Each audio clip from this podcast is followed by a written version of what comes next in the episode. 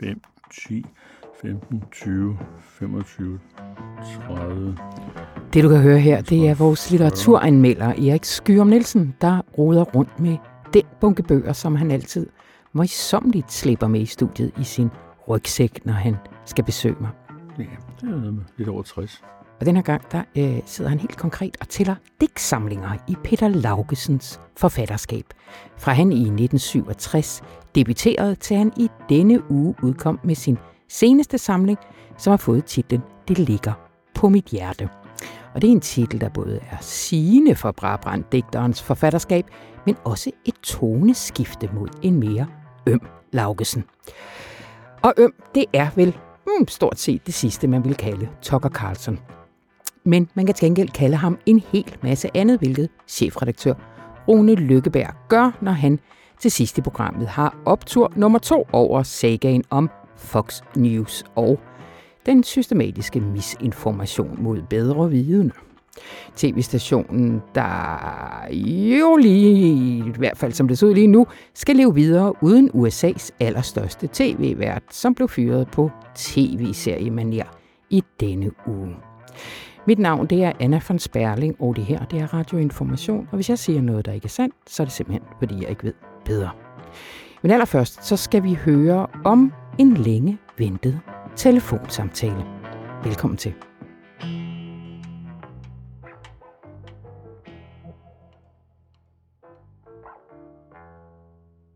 Kinas præsident Xi Jinping har for første gang siden krigens start talt med Ukraines præsident Volodymyr Zelensky. Og det er i sig selv et gennembrud. Velkommen til dig, Martin Gøtske. Mange tak. Igennem på en Skype-forbindelse fra Italien. Øh, der kommer et men. Men skal vi ikke lige for håbets skyld starte lidt med det der med gennembruddet? Altså, hvorfor, hvorfor er det, der er et gennembrud? Jamen, det er det jo, fordi at de første 14 måneder af den her krig, så har altså Xi Jinping, han har jo ikke vil øh, tale med øh, Zelensky fra Ukraine. Øh, han har dyrket et ret øh, tæt forhold til, øh, til Putin. Altså, de, Putin og Xi, de har mødt hinanden øh, to gange efter krigen startede. De har talt øh, sammen øh, adskillige gange, øh, men samtidig så har... Øh, har øh, hvad hedder det, øh, Xi Jinping han har ikke ville tale med, med, med Zelensky, og øh, det er på trods af, at Kina de jo for et par måneder siden kom ud og sagde, at de gerne ville være fredsmalere i den her krig. Så nu er der jo i hvert fald kommet hul igennem, sådan så at, at øh, Kina også er begyndt at tale med, med den ukrainske side, og det må jo være en forudsætning, øh, må man sige, hvis, hvis øh, Kina virkelig vil, vil sætte sig op som, uh, som fredsmaler. Mm, mm. Uh, vi, altså, Zelensky han kaldte samtalen lang og uh, meningsfuld, men hvad ved vi egentlig om indholdet af samtalen?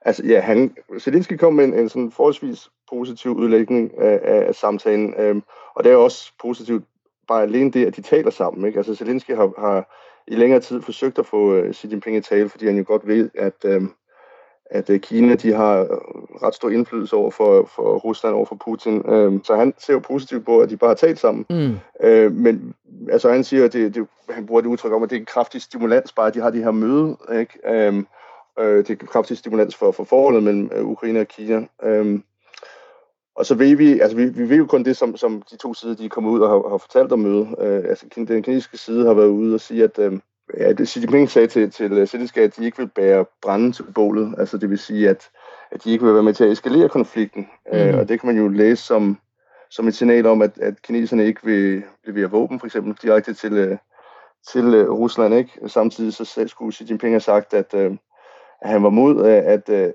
at bruge atomvåben i den her øh, krig, og det er jo, må man jo gå ud for også et signal til, til Putin om, at han ikke skal gøre alvor sin trussel om at bruge atomvåben. Ja. Øh, og ellers nævner han simpelthen hverken Putin eller Rusland i samtalen, øh, skriver du?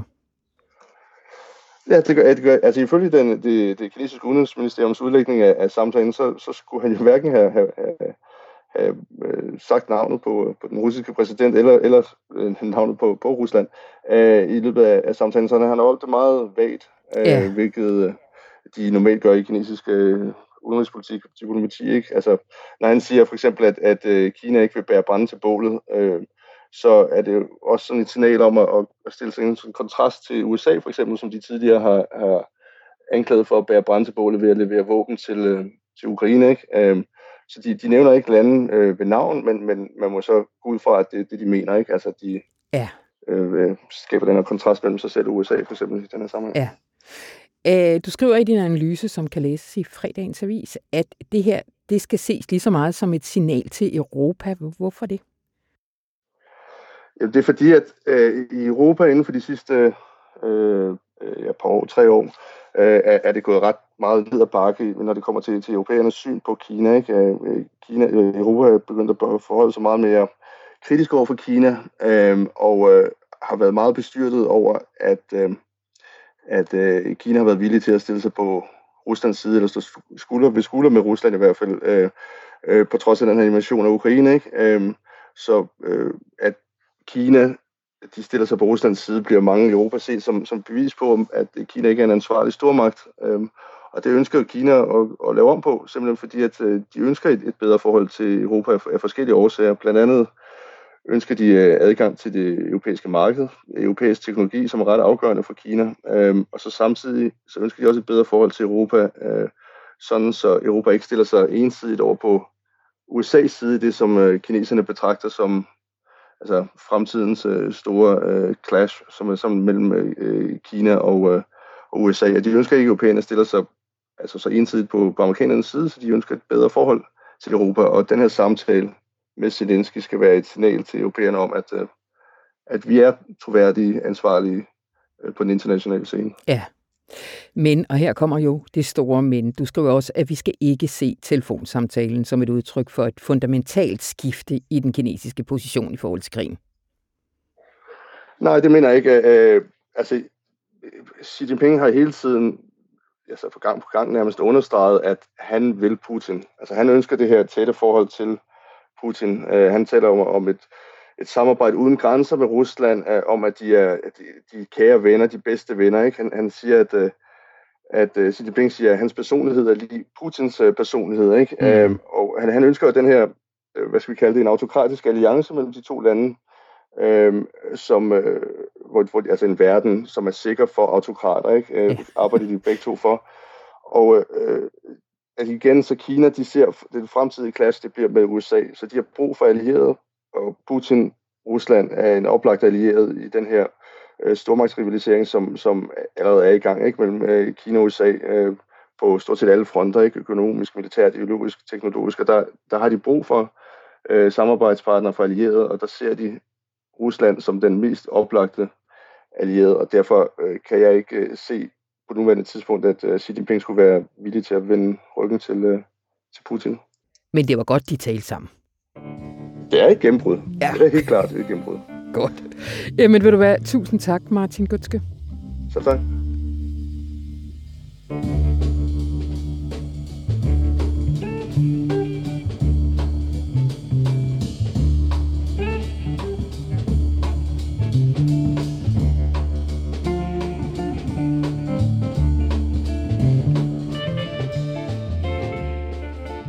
Nu skal vi have en ordfest, fordi Brabrand, digteren og øh, forfatter til, øh, er tæt ved 60 digtsamlinger, og faktisk også en gammel ven af huset her, Peter Laugesen, han er aktuel med en ny digtsamling. Øh, den bliver anmeldt i fredagens litteraturtillæg af litteraturkritiker Erik Skøum Nielsen, og jeg er så heldig, og det er du også, at han sidder her med sin bogbunke. Hej Erik. Tak fordi jeg måtte komme. Det var dejligt, du kom. Før vi kaster os over øh, den nye digtsamling, så øh, kunne jeg tænke mig at spørge dig, men så fik vi lige en snak nede i kantinen, hvor jeg er kommet på lidt andre tanker. Min idé var at spørge dig, hvis der nu sad et ungt menneske derude, eller et ældre menneske, der havde boet under en sten, eller bare en, der havde brugt sit liv på andet end at læse digte. Hvem er Peter Laugesen så? Og jeg havde tænkt, du ville lave sådan lidt en. Han debuterede i 1967. Det var ikke det, du sagde. Øh, du sagde i stedet for, lyt til ham. Ja, fordi Peter Lausen er helt eminent til at læse sine digte op. Han har en vidunderlig klangfuld stemme, og han læser op i et tempo, så vi kan følge med, er eminent til at pausere. Nogle gange kan man blive helt bange, øh, hvis man er til en oplæsning med Peter Lausen, fordi han står med lukkede eller halvt lukkede øjne og tænker, øh, at så kan han vel godt lige se digtene, fordi han kan næsten dem alle sammen øh, i forvejen udenad. Men vi andre, vi bliver da bange, fordi han ser ud som om, han er ved at besvime. Øh, det er så ikke tilfældet. Nej. Han evner de her vidunderlige øh, fraseringer, og det bliver kun bedre af, at han øh, læser øh, afbrudt af øh, musik. Ja. Men altså, Laugesen som oplæser, det er en sikker vej øh, ind i hans univers. Ja. Men så vil jeg også sige, at hvis man så kommer ind i det univers, så får man adgang til nogle verdener, der er større end hans. Øh, han laver nogle gange referencer ved hjælp af name-dropping. Øh, og det kan man så mene om, hvad, hvad man vil. Det er Jack Kerouac, det er T.S. Eliot, det er Charles Olson, Mm. Øh, blandt de engelsksprogede. Og der, blandt billedkunstnerne, øh, der er det for eksempel Jorn og Per Kirkby. Øh, blandt komponisterne John Cage, Shostakovich. Det vil sige, hvis du læser Peter Laugesen, så bliver du også nysgerrig efter, hvad der gemmer sig bag de her navne. Og du kan jo google dem, Mm. og så prøve for eksempel ved hjælp af YouTube at høre, øh, hvordan Shostakovich lyder. Både når han skriver symfonisk musik, øh, og når han laver jazz, som Stalin ikke kunne lide. Mm-hmm. Og, vi, og den vender vi tilbage til. Ja, men altså, øh, pointen skulle gerne være, at øh, Laugsen er ikke bare Laugsen. Øh, Laugsen er også en port til et stort univers af poeter. Mm. Øh, nu siger jeg næsten kun navnen på 20. århundredes personligheder, men det går også længere tilbage. Altså det er for eksempel sådan en som Hölderlin, øh, langt ude, øh, romantisk digter, øh, der er en som sindssyg øh, i et tårn ved Nekkarfloden, hvor han skrev godt nok vanskeligt tilgængelige digte øh, og kaldte sig for Scardanelli. Mm-hmm. Øh, og så er det øh, også længere tilbage i historien, Baudelaire og ikke mindst øh, en poetisk oprører som øh, Rimbaud. Øh, så øh, Laugesens smalle bøger, Mm-hmm. øh, som vi siger i biblioteks- eller biblioteksformidlingssprog, i modsætning til den brede litteratur. Men altså Laugesens smalle bøger er en hovedvej, det er en motorvej øh, til modernisme Mm-hmm. og til romantik. Mm. Øh, nu vil jeg ikke øh, bede dig om, om den store øh, øh, biografi her, men placer ham lige i tiden. Hvornår, øh, hvornår debuterer han? Han debuterer, debuterer nærmest sådan på eget initiativ øh, og under store tekniske vanskeligheder, fordi det var svært for ham at komme ud i, i 67. Øh, på det tidspunkt, øh, der var han øh, udlært typograf, øh, og så vidt jeg ved, så arbejdede han også som øh, korrekturlæser. Øh, han vidste godt, der ikke var særlig mange penge i det her, øh, men han blev ved og ved. Og nu må man jo så tage hatten af for, at manden har praktiseret øh, som sådan, altså undergrundspoet eller øh, overgrundsmæssig undergrundspoet øh, i 56 år. Ja. Det er altså lykkedes, kan vi sige. Øh, dengang, øh, der var der en forlægger, øh, som tog satse øh, på folk, som ikke kunne påregne øh, et stort publikum, nemlig Jarl Borgen. Mm. Jo, min, gamle, min fars gamle skolekammerat fra Mhm. mm-hmm. Sorø Akademi. Øhm, og Jarl Borgen udsendte øh, skrift i 69, og man kan ikke sige... Øh, Altså et tidsskrift, der hedder... Nej, skrift øh, var øh, Laugsens øh, første overground Okay, digtsamling. godt. Ja. Og så også den, der hed Man kan ikke sige, og de er så senere kommet i en stor, flot udgave, som er lige så hvid og blank øh, som originaludgaverne. Og der var der altså et miljø, øh, hvor folk havde en lydhørhed over for Laugesen, som dengang blev opfattet som en slags anarko-surrealistisk skriftpoet, altså stemplet som, som svær. Mm.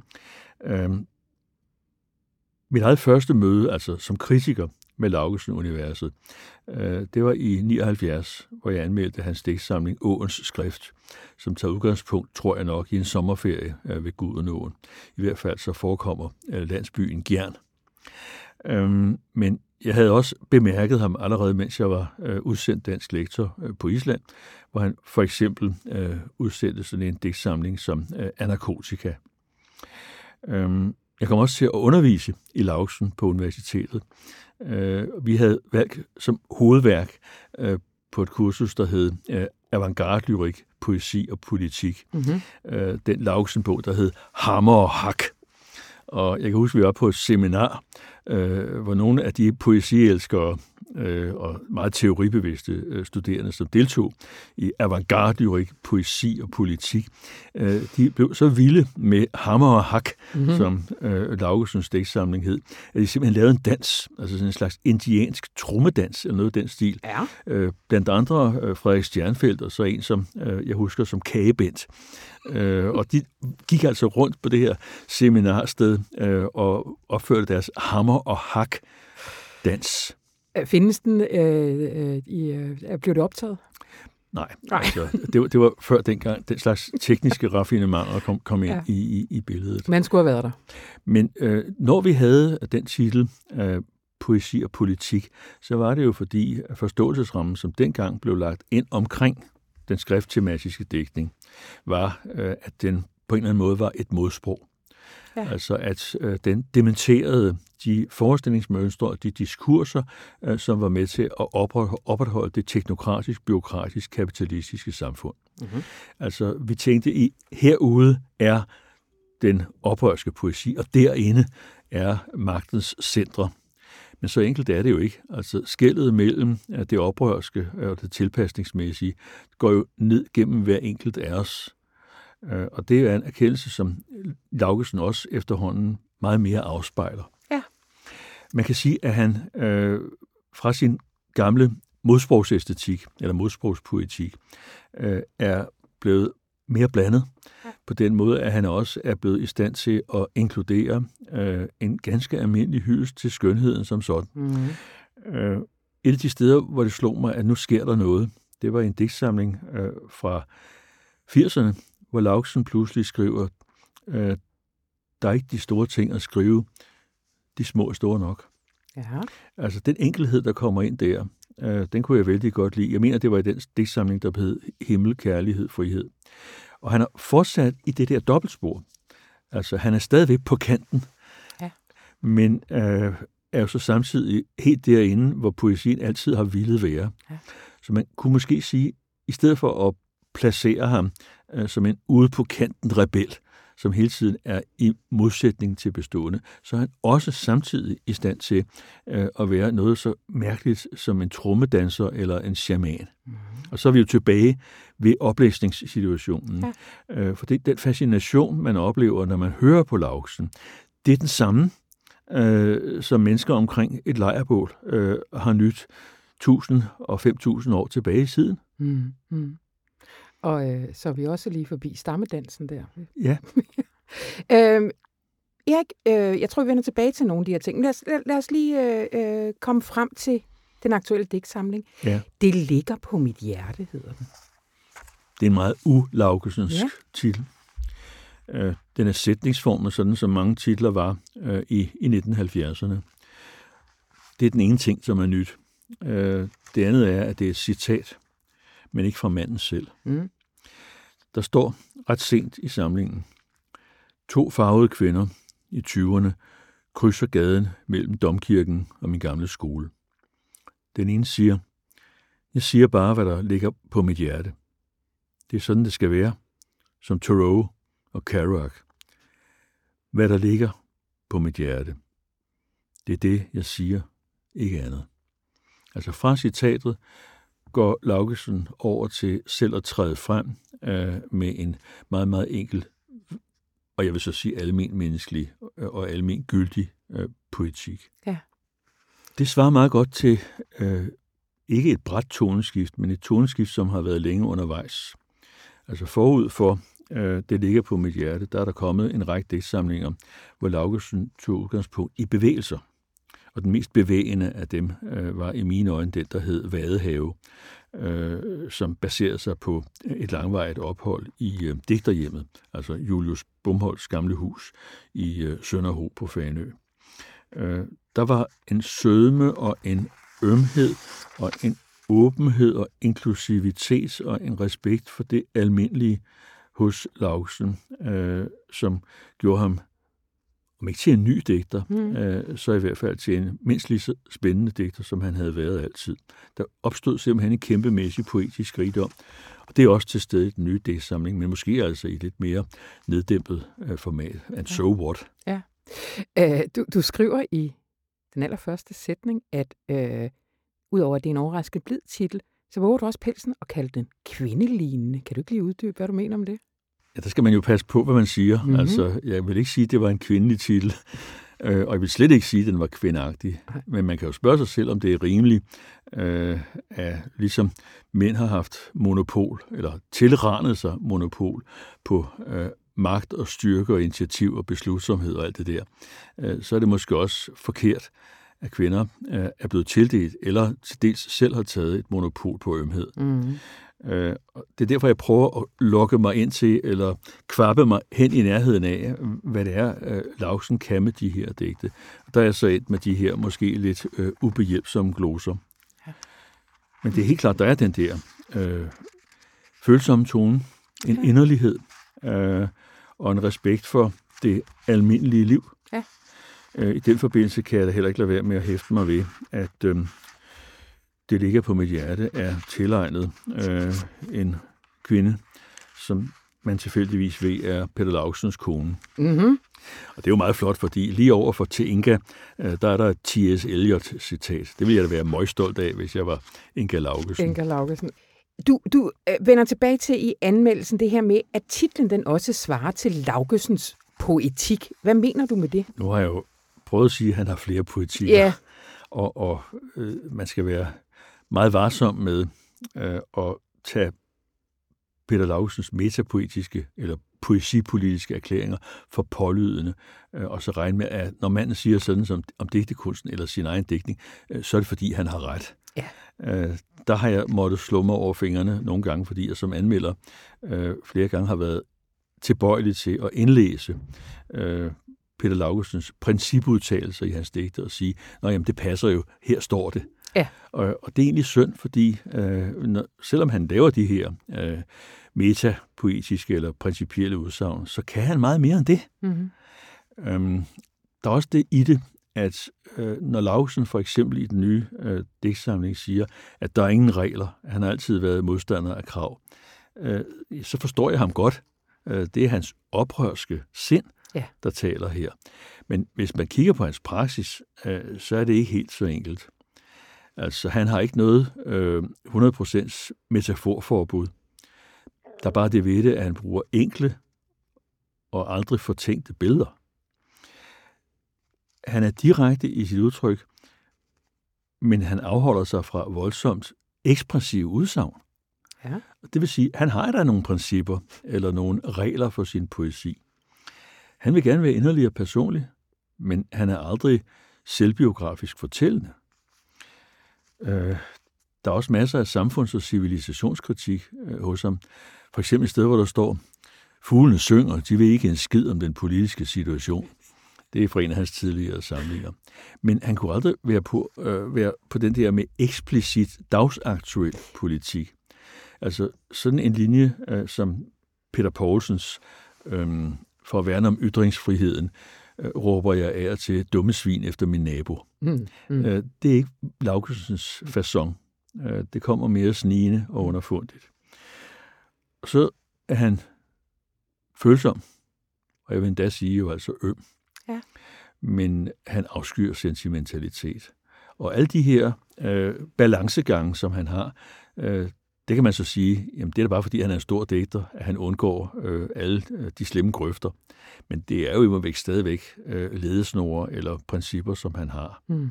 Men når jeg så siger, at øh, det ligger på mit hjerte, øh, passer godt til Laugsens poetik, øh, så er det fordi, øh, han specielt i den nye bog, så at sige, øh, lad det komme fra hjertet og gå gennem fingrene ud i tastaturet.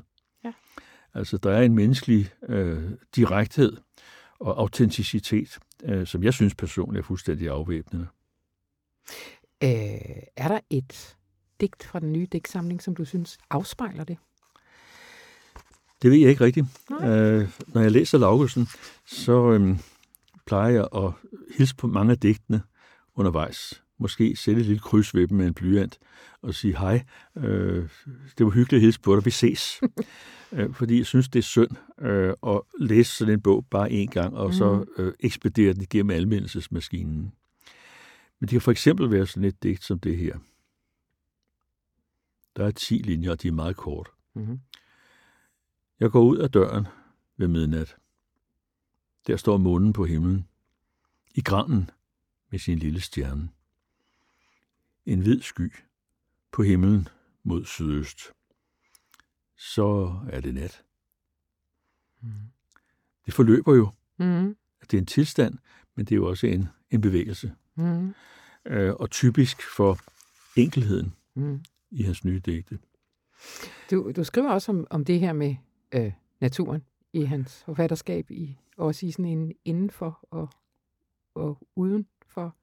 Ja, det var også lidt for at få ham placeret litteraturhistorisk, fordi der jo op gennem 20. århundredes modernisme har været en slags standardforestilling om, at sproget var en slags gitter, øh, som holdt mennesket ude fra naturen. Mm. Og nogle digtere øh, fastholdt det, og andre gjorde op med det. Inger Christensen for eksempel gjorde op med det ved at tænke i ligedannetheder, eller hvis vi skal være fine, isomorfier imellem menneske øh, og natur. Ivan Malinowski, som havde været meget på den der med sproget som et gitter eller et filter, eller måske endda et fængsel. Mm-hmm. Han ændrede total praksis øh, på sine ældre dage. Øh, Laugesen, vil jeg sige, har også flyttet sig på det punkt, sådan at han simpelthen har hen, hengivet sig noget mere til øh, naturen. Men han har også samtidig nogle vidunderlige formuleringer, som går på, at øh, skrift og natur øh, har et eller andet hemmeligt med hinanden at skaffe. Som for eksempel her. Regn på græsset. Regn på det ophængte sengetøj. Regn gennem træernes, grenes og kvistes, blades, styrende filters syntaks. Regn i luften, i tiden, i verden, i sjælen og sindet. Skriften regner, stavelser, lyde, drøber, blomstrer, visner, taler. Mm-hmm. Der kan man høre linje for linje, hvordan det civilisatoriske eller det menneskelige univers flyder sammen med naturuniverset. Eller omvendt, at naturuniverset får lov til øh, ikke måske at invadere menneskerummet, men i hvert fald at befrugte det. Det synes jeg er typisk for den der samtale mellem mennesker og natur, øh, som er kommet i stigende grad i Laugsens dækning. Mm. Og som jeg da godt kunne forestille mig ville være guf-guf øh, for øh, litteraturforskere med økokritiske tendenser. Mm-hmm. Øh, jeg har lyst til, at vi uh, lidt sluttede der, hvor vi startede, fordi hvis man ikke er så heldig, at Laugesen han læser op på en øh, uh, tilrådet café et sted nær dig, uh, som han jo ikke gør helt så meget mere, er mit indtryk, men bare kan tilgå hans bøger, hvor vil du starte? Jeg kunne godt forestille mig, at det ville være dejligt at kunne starte der, hvor jeg selv startede. Ja. Altså med Åens skrift i, i 1979. Og så vil jeg sige, øh, at de digtsamlinger, som jeg nævnte, altså Aftenbladet og Vadehave og Traveling, øh, som ligger umiddelbart inden, øh, det ligger på mit hjerte. De vil også være gode veje ind i Laugsens rum. Men jeg tror også, det handler lidt om, om læsning og læselyst. Altså, jeg kunne da ikke finde på at stå og banke et ungt menneske i dag øh, oven i hovedet og sige, læs Laugesen. Mm. Øh, der er mange mennesker, der ikke øh, læser digte, fordi de ikke behøver at læse digte. De kan noget andet og interesserer sig for noget andet. Øh, Det skal ikke være nogen lov eller noget krav, at man skal interessere sig for poesi. Men hvis man har en fli af det, Mm. øh, så er Laugesen en virkelig god digter øh, til at blive hugt. Han sagde selv til mig en gang, øh, da jeg skulle interviewe ham til nærværende dagblad, som man siger, øh, med litteratur, der har jeg det ligesom Burroughs. Burroughs sagde, øh, man kan blive hugt på så meget, og det aller værste, man kan blive hugt på, det er penge. På mit personlige vedkommende vil jeg sige, øh, at jeg er på det stof, der hedder poesi. Skønt. Man kan også gøre, som jeg lige gjorde her nu. Jeg tog bare øh, øh, øens skrift her fra bordet, og så slog jeg op. Åens skrift. Åens skrift. Ja, altså guden, skrift. gud, guden åen, tænker jeg. Ikke? Ja. Og så slog jeg op på en tilfældig side, og der står, og jeg vil, altså nu er jeg fra Aarhus, men jeg, jeg vil simpelthen ikke øh, konkurrere med din, øh, med din flotte Laugesen øh, Pauli her, så jeg skal, siger det bare på mit, mit, der står, en ung mands usikre sikkerhed, en gammel mands sikre usikkerhed. ja. Ja. Det er jo det, vi i stilanalysen kalder en kiasme. Ja. Ja. Altså A, B, B, A. Ja. Øh, men det er jo flot set Det er flot set. og sagt. Øh, det var, hvad vi nåede. Erik Skjørm Nielsen, tusind tak skal du have. Tak fordi I måtte komme.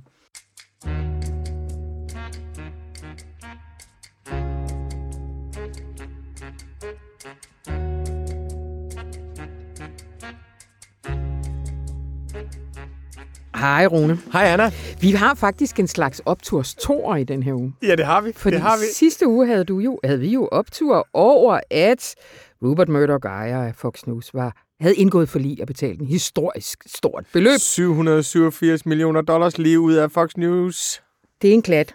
For at øh, undgå at øh, skulle hives i retten, og derfor tale endnu mere om, at de jo øh, med åbne øjne har spredt misinformation, og det var selvfølgelig til den her producent af øh, stemmemaskiner, Dominion.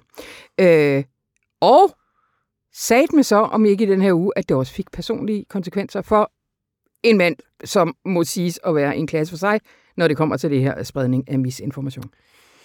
Tucker Carlson, Yes. den tv-vært i USA med det største publikum. 3,4 millioner mennesker fulgte i gennemsnit Tucker Carlsons aftenshow kl. 20 på Fox News i marts måned Hold da kæft. 2023. Han er den mest magtfulde tv-vært, som blev fyret, og øh, rygterne siger, jeg ved jo ikke andet, end hvad rygterne siger, for jeg var der ikke. Mm-mm. Men rygterne siger, at det var sådan lidt en Succession-agtig fyring. Ja. Og der er endda nogen, der har sagt, at Logan Roy, patriarken i Succession, TV-serien på HBO, hvis der Yes. er nogen... som skulle være formet med Rupert Murdoch som forbillede. Der er nogen, der siger, og det er meget Trump-agtigt, at man siger, I hear people say, øh, at hans måde at fyre på skulle have inspireret Murdoch-familien her. Nej. Så vi har en spekulation om en fiktion, der er bygget op om virkelighed, som så kommer til at præge virkeligheden. Eller også, og det er nok det mest sandsynlige, nu tager den lige hjem igen, Ja. det er, at vi er blevet bedre til at analysere det, fordi vi har set det gennem uh, Succession. Men i ja. hvert fald, Tucker Carlson, superrig, formue på 420 millioner dollars. Mm. Løn, månedsløn på flere millioner dollars. Kæmpe stjerne, vigtigste konservative kommentator i USA. Han bliver ringet op i sit hjem i Maine mandag, 10 minutter før hans show skulle starte. Af, og, og ikke af Rupert, som er CEO og ejer, Mm. eller hans søn, Lachlan Murdoch, som er aftageren, men af, af en langt nede i hierarkiet, som ringer og siger, Tucker, du ude. Øh, og det skulle være sådan en særlig, øh, særlig ydmygelse, det der med, at det ikke engang er kongen, der hugger hovedet af dig, men Ja. kongen har fået en, en, en versal til det. Og det Vi kender ikke grunden, vel? Altså, der er ikke kommet noget frem om... der er mange spekulationer. Ja. Den ene er, Tucker Carlson var utrolig glad for at sende sms-beskeder. Ja. Og det vil jeg bare sige til alle, der lytter, pas på med det.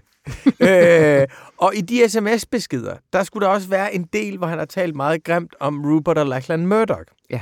Så, så den, det, ene spekulation er, at det her menneske må godt tale grimt om kvinder, sorte, handicappede, alle mulige. Men hvis han taler grimt om, om dem, så er, det, så, så, så, så er det ud. Så det er ligesom deres forfængelighed. Det er en spekulation. En anden spekulation, det er, at Fox News vil et nyt sted hen.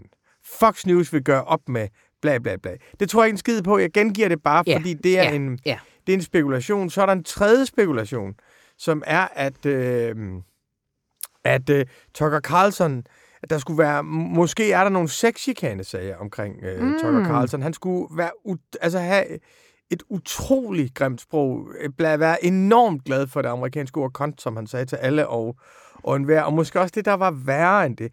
Så der er forskellige spekulationer. Ja. Ja, vi tror ikke, overhovedet ikke på, at Fox News bliver et bedre sted, men vi glæder os over, at en drage er blevet fældet af det store svær. ja. Men så sagde du også her på morgenmødet, vi skal jo altså også huske, at der var en grund til, at han er blevet den største tv-vært i, øh, i USA. Ja, altså Tucker Carlson er en ret speciel karakter faktisk, fordi der er jo sådan nogle øhm, Sean Hannity-typer, som er den anden, der har et stort show, og Laura Ingram, som er den tredje, de er ligesom de tre stjerneværter. Og de to sidstnævnte er bare konservative, og er sådan hamre derudad. Tucker Carlson har, er også blevet fyret for CNN tidligere, faktisk. Mm. Og har også en fortid som, øhm, som sådan mere intellektuel konservativ, og kan gå mange steder hen herfra. Han er virkelig godt begavet, Ja. Tucker Carlson. Jeg har tit hørt ham, fordi at når han sådan kritiserede venstrefløjen, og det bruger de jo en del tid på, øh, så er hans kritik sidder altid steder, hvor det gør rigtig, rigtig ondt. Ja. Altså, han er så sindssygt godt begavet, så hans analyser er altid interessante at, at, at. Han har altid et analyse, en analytisk mere bevidsthed i forhold til, til det, han sidder og siger. Det er jo også det, der gør ham til et svin. At Ja. han er klogere end det lort, Ja. han sidder og hælder ud i hovedet på, på, på folk. Men han er, en, øh, han er en enorm interessant personlighed, synes jeg.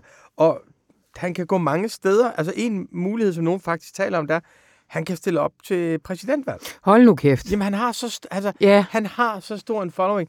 En anden er, at han kan lave sådan en omvending. Det, els- det må vi jo ind. Der er jo intet, de liberale elsker mere, end når, når øh, folk, der har været tæt på Trump, siger, ej, jeg kunne virkelig ikke lide ham alligevel. Ej, det var Ja. frygteligt, jeg blev grebet af det. Han kan lave den der omvending, og være sådan en, der har været i fjendelejrene, nu er blandt vores egne. Ja. Øhm, tredje mulighed, det er, at han kan, at, at, at han kan gå streamingvejen og få sit eget show, ligesom ja, ja. John Stewart og alle mulige andre har, ja. har, har gjort. Så to Fox News opture i træk yes. over deres nedtur, og vi følger Tucker herfra. Det gør vi. Men jeg slipper dig ikke lige øh, nu, fordi vi kan jo ikke komme udenom, at der måske også sidder nogle lytter derude og tænker, ah, det var ikke den største historie for USA i den her uge. Det var selvfølgelig, at Joe Biden valgte at øh, officielt øh, hvad hedder det, øh, erklære sit kandidatur. Øh, det var ikke nogen overraskelse, men det er alligevel anledning til lige at besøge, at det er nu en god idé, Rune Lykkeberg. Det, og det skal jeg skynde mig at sige, det er der faktisk også forskellige holdninger til på, på, på avisen. Ja, Øhm, der er en holdning, som er, at jamen, der er jo ikke nogen alternativer til ham. Han har været en virkelig god præsident, og han har altid haft de der talfejl. Og virker han ikke lidt mindre svækket nu, end han gjorde for fire år siden? Det er en, Ja. Det er en holdning, der findes. Og så er der en anden holdning, som er min egen holdning. Og vi har givet udtryk for begge holdninger, jeg leder jo. Ja.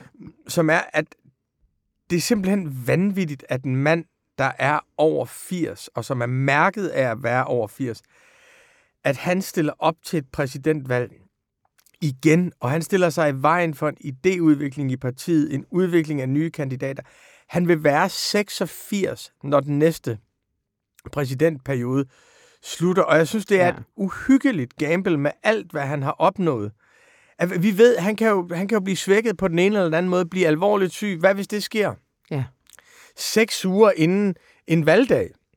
ja. Hvad, altså, og så Ja. står man der med den notorisk upopulære vicepræsident Kamala Harris, og man skal huske på, at det er rigtigt, som vi også har haft en 250.000 optur over, at Trump har tabt en del valg, men det var 45.000 stemmer i tre svingstater, der afgjorde det Ja. sidste gang. Så tæt er det, og hvis man ser Biden over for Trump, så er min analyse, det er, at Biden er noget mere aldersvækket, end Donald Trump er. ja. Øh, men øh, hvad er så alternativet? Altså, Jamen, jeg synes jo, at jeg synes, de, de, dem, der er blevet præsidenter i min sådan, levetid, hvor jeg kan huske det, øh, de, demokrater, bortset fra, fra Biden, de har altid været ukendte, når primærvalgene starter. Ja. Og de der demokratiske primærvalg er ligesom maskiner til at teste, udvikle og prøve ledere. Da Bill Clinton, star, altså, da han stillede op øh, til, til præsidentvalget, var han ukendt. Altså ja. halvandet år inden valgdagen var der ingen, der regnede med ham. Halvandet år inden øh, Barack Obama blev, øh, blev, blev præsident, der var der ingen, der regnede med ham. Alle troede, det skulle være Hillary Clinton. Og jeg synes det der med at sige, at der er ikke noget alternativ nu. Nej, selvfølgelig er der ikke det, for Nej. der har ikke været en kampagne, som, som ville kunne udvikle dem. Og det, der gør Biden til en, efter min opfattelse, fantastisk grøn, kapitalismekritisk og socialt retfærdig præsident, det er jo ikke ham selv. Det, det er, at der er en idéudvikling i partiet. Ja. Der er nogle bevægelser, og jeg er overbevist om, at det, der har gjort Biden til en god præsident, også kunne have skabt andre kandidater. godt. Det var vi nået. Tusind tak, Rune Lykkeberg. Selv tak. Før jeg helt slipper dig, så har jeg et lille tip. Fordi det er sådan, at den 11. maj, der tager Dagbladet Information hele forsamlingshuset i Storkongensgade med til Svendborg. Øh, så det er et tip, der går ud til alle sammen, men måske ikke mindst dem, der huserer på Fyn og øerne der omkring. Det bliver en aften, det starter kl. 19, og det er Borgerforeningen, og øh, jeg kommer forbi sammen med Rune Løkkeberg og udlandsredaktør Lene Winter og Tysklands korrespondent Mathias Sonne og fotoredaktør Sire Nygaard, Anton Geister, indlandsredaktør og Jørgen Sten Nielsen. Det er ham med klimaet. Øh, og det skal handle om krigen i Ukraine og om Mette Frederiksens Mink-sag og de sidste 50 års op- og nedtur i klimakampen. Og så skal det også handle om naturens sjælelige kræfter, og så kommer Niels Skovsen del med os og spiller op. Og det er altså den 11. maj klokken 19, og du kan få billetter inde på butik.information.dk. Og det var så virkelig alt. Mit navn det er Anna von Sperling, og programmet det var klippet og gjort så fint af Rune Spare Gertsen. Og så ønsker jeg dig en rigtig dejlig weekend.